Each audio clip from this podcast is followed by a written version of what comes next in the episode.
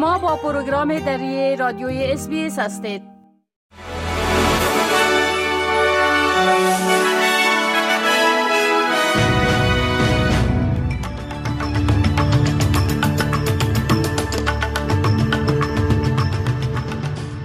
با عرض سلام من فضیلت تصمیم شما را به شنیدن مهمترین اخبار روز دعوت می کنم. طوفان شدید سایکلون جسپر در طول شب گذشته به طرف شمال کوینزلند بیشتر گردیده و به این دلیل در حدود 35 هزار خانه بدون برق ماندن.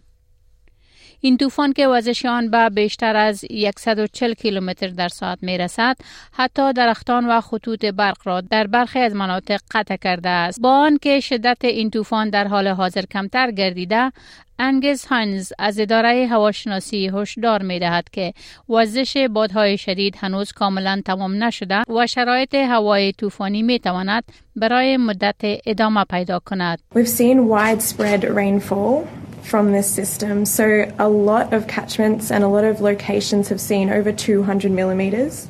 So currently there's 20 gauges so far that have seen over 200 millimetres in the last 24 hours. A major flood warning is current for the Daintree River and the Daintree village is likely to reach the major flood level during this morning.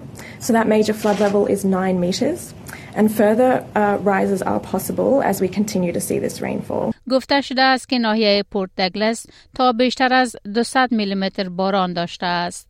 نیروهای نظامی اسرائیل امروز اعلان کردند که در عملیاتی که بیش از سی ساعت طول کشید در اردوگاه جنین صدها مزنون را بازداشت بیش از 400 ساختمان را بازرسی و از جمله شش محل تولید ساخت مواد منفجره و چندین زیرزمینی در منطقه اردوگاه را نابود کردند. همچنان مقدار سلاح و مهمات را توقیف کردند. مقام های صحی فلسطین می گویند در جریان این عملیات دست کم هفت نفر کشته شدند. آنها گفتند هفتمین قربانی حملات اسرائیل یک پسر 13 ساله است. وزارت صحت غزه که حماس آن را اداره می کند می گوید ذخیره ادویه هایش به پایان رسیده است نهادهای امدادرسانی سازمان ملل متحد نیز درباره یک فاجعه انسانی هشدار دادند 85 درصد از جمعیت غزه آواره شدند و مردم در پناهگاه های مزدهم و غیر صحی زندگی می کنند. سازمان جهانی صحت افزایش شدید عفونت های تنفسی، اسهال شپش و بشه را گزارش دادند. این حملات مرگبارترین حملات نیروهای اسرائیل از زمان حمله زمینی به غزه گفته شده است. اسرائیل تایید کرده است که ده سربازش روز سه شنبه در غزه در مرگبارترین روز برای نیروهای نظامی این کشور از زمان حمله زمینی کشته شدند. نو نفر از آنها از جمله یک فرمانده و یک سرافسر در شجاعیت در شرق شهر غزه کشته شدند. نیروی نظامی اسرائیل می‌گوید این سربازان در کمینگاه شب نظامیان فلسطینی کشته شدند. از جانب دیگر ایالات متحده امریکا از استرالیا خواسته است تا به دلیل تنش‌های جاری در شرق میانه که اسرائیل در نوار غزه علیه حماس می جنگد یک کشتی جنگی را به بحیره سرخ بفرستد. این درخواست از سوی نیروی بحری امریکا مطرح شد که می خواهد این کشتی به یک نیروی حمایتی بین المللی پس از افزایش حملات شب نظامیان تحت حمایت ایران که تلاش می کنند تدارکات را مختل کنند بپیوندد.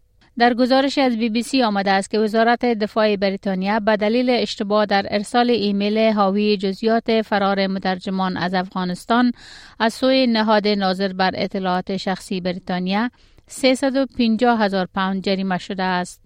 در مجموع 265 نفره که به دلیل این اشتباه ممکن بود در معرض خطر قرار گیرند قبلا با حکومت بریتانیا کار می‌کردند و برخی از آنها در زمانی که طالبان کنترل افغانستان را به دست گرفتند مخفی شده بودند سازمان نظارت بر اطلاعات شخصی در بریتانیا می گوید اگر این اطلاعات به دست طالبان می افتاد ممکن بود جان افراد را در خطر بیندازد. وزارت دفاع بریتانیا گفته است که شدت نقص را درک کرده دریافت حکم جریمه را به طور کامل تصدیق کرده و از قربانیان عذرخواهی کرده است. پات کامنز کاپیتان تیم کرکت استرالیا تایید کرده است که عثمان خواجه کفش هایی که در آن نوشته شده همه زندگی برابر است را به عنوان یک پیام سیاسی در اولین بازی تیم کرکت استرالیا در مقابل پاکستان در پرت که امروز پنجشنبه برگزار خواهد شد نخواهد پوشید. خواجه در جریان تمرین های قبل از مسابقات با پیام های دست نوشته بر روی کفش هایش عکس گرفته شده بود که به طور گسترده با عنوان ابراز همبستگی با فلسطینی ها در غزه تفسیر می شد.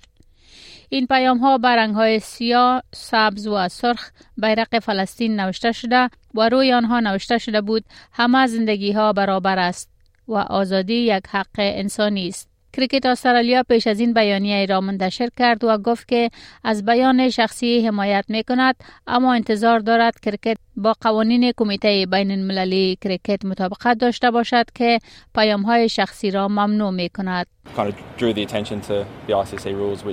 Um, yeah I don't know if Uzi was across beforehand but yeah again Uzi doesn't want to make too big of a fuss. I think um, you know his shoes he had all lives are equal. I think that's not very divisive. I don't think anyone can really have too many complaints about that.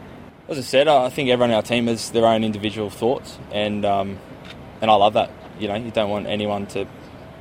You want everyone to bring their own individual self to the team. کامنز میگوید پیش از بازی با خواجه صحبت کرده است.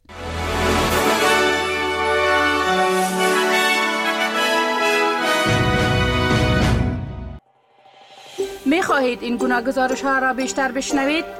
با این گزارشات از طریق Apple Podcast، Google Podcast، Spotify و یا هر جایی که پادکاستتان را می گیرید گوش دهید.